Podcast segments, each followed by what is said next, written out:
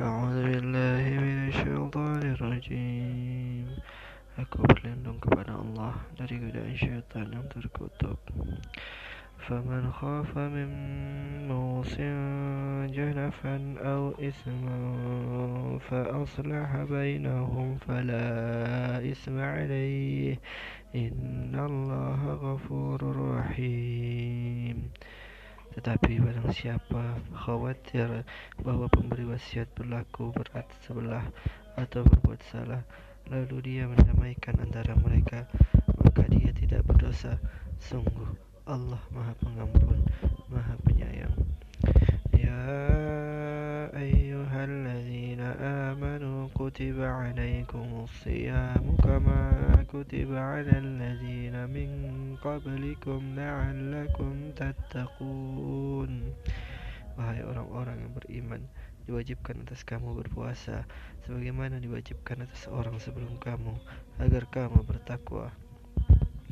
Ayyaman ma'dudat Faman kana minkum maridan Aw ala safarin Fa'iddatun min ayyamin ukhar وعلى الذين يطيقونه فدية طعام مسكين.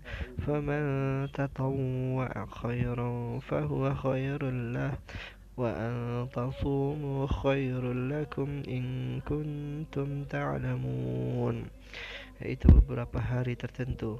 Maka barang siapa di antara kamu sakit atau dalam perjalanan lalu tidak berpuasa maka wajib mengganti sebanyak hari yang dia tidak berpuasa itu pada hari-hari yang lain dan bagi orang yang berat menjalankannya wajib membayar fidyah yaitu memberi makan seorang miskin.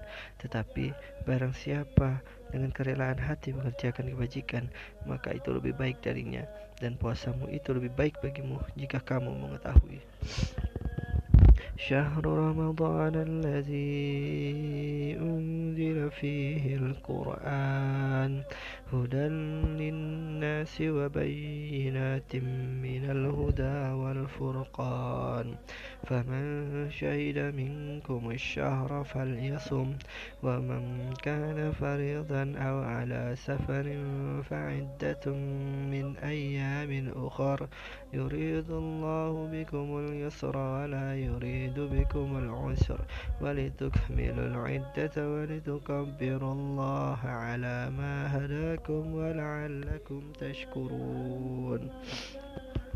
Bulan Ramadan adalah bulan yang di dalamnya diturunkan Al-Quran sebagai petunjuk bagi manusia dan penjelasan-penjelasan mengenai petunjuk itu dan pembeda antara yang benar dan yang batil. Karena itu, barang siapa di antara kamu ada di bulan ini, maka berpuasalah. Dan barang siapa yang sakit atau dalam perjalanan, dia tidak berpuasa, maka wajib menggantinya sebanyak hari yang ditinggalkannya itu pada hari-hari yang lain.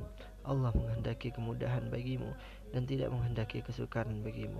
Hendaklah kamu mencukupkan bilangannya dan mengagungkan Allah atas petunjuknya yang diberikan kepadamu agar kamu bersyukur.